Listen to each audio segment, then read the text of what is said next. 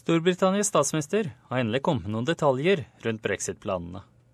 Og i sin mest detaljerte tale om temaet så langt sier Theresa May at Storbritannia vil forlate EUs indre marked, men forhandle om en frihandelsavtale med blokken og gjenvinne full kontroll over sine grenser. Hun insisterer på at avtalen vil gagne alle. Mer enn seks måneder etter at Storbritannia stemte for å forlate EU, har den britiske statsministeren Theresa May avslørt hvordan hun håper å gjennomføre det. I sin tolvpunktsplan bekrefter hun at Storbritannia vil forlate EUs indre marked, og i stedet søke å etablere en frihandelsavtale med blokken.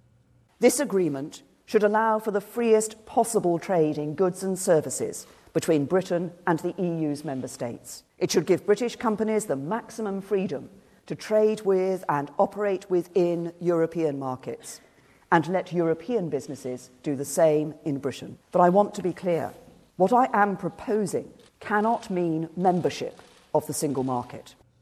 Theresa May ønsker også en avtale som vil åpne opp eh, handelsavtaler med ikke-EU-land. I tillegg til Storbritannias økonomiske planer adresserte May innvandring. Britain is an open and tolerant country. We will always want immigration, especially high skilled immigration. We will always want immigration from Europe.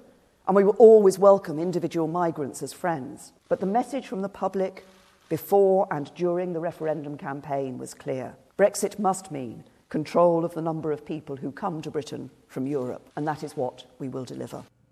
Omtrent 3,2 millioner EU-borgere bor og arbeider i Storbritannia, og 1,2 millioner briter i EU-land. May sier Storbritannia ønsker å garantere rettighetene til EU-borgere som bor i Storbritannia, og britiske statsborgere som bor i EU. Den britiske utenriksministeren Boris Johnson sier at han er overbevist om at EU vil godta avtalen. We believe very strongly that this is in our mutual interest. We're not leaving uh, Europe, we're disentangling ourselves from the treaties of the EU, but we can remain powerfully committed to Europe with a, a new European partnership of the kind she described, whilst also uh, going forward with, a, with an identity as global Britain. Leder for opposisjonen og Labour-leder Jeremy Corbyn er mindre optimistisk. She has said leave the single market, then at the same time says she wants to have access to the single market. I'm not quite sure how that's going to go down in Europe. I think we have to have a deal that ensures we have access to the market, we have British jobs dependent on that market. That's what we'll be pushing for. Whether it's specifically this form of single market, I don't know. She seems to be wanting to have a cake and eat it. Skottlands førsteminister Nicola Sturgeon kritiserte planene og antydet at Skottland som stemte for å forbli i EU, muligens kan avholde ny folkeavstemning om uavhengighet.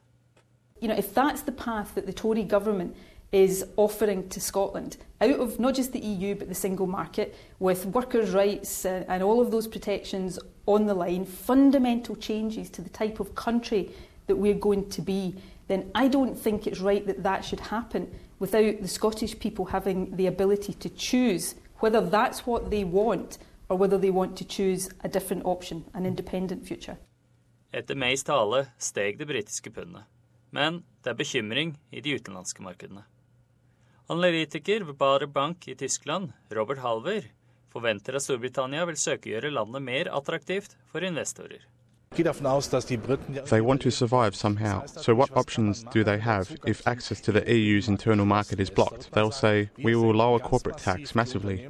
That would lead to an ongoing competition with Germany. And we must not forget that she has an ally now, Donald Trump, who wants to reach a very exclusive trade deal with her. That could give the Brits several advantages.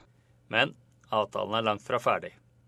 Siden folkeavstemningen har enkelte EU-land advart Storbritannia om at de ikke vil være i stand til å kun velge fordelene uten å ta ansvar. Noen antyder også at brexit-prosessen bør avskrekke andre EU-land fra å forlate blokken. Som svar oppfordret Theresa May til forsiktighet. I know there are some voices calling for a punitive deal that punishes Britain and discourages other countries from taking the same path. That would be an act of calamitous self harm for the countries of Europe, and it would not be the act of a friend. Britain would not, indeed, we could not, accept such an approach. May sa at parlament vil stemme over den endelige avtalen med EU, som trolig vil tre i kraft i 2019.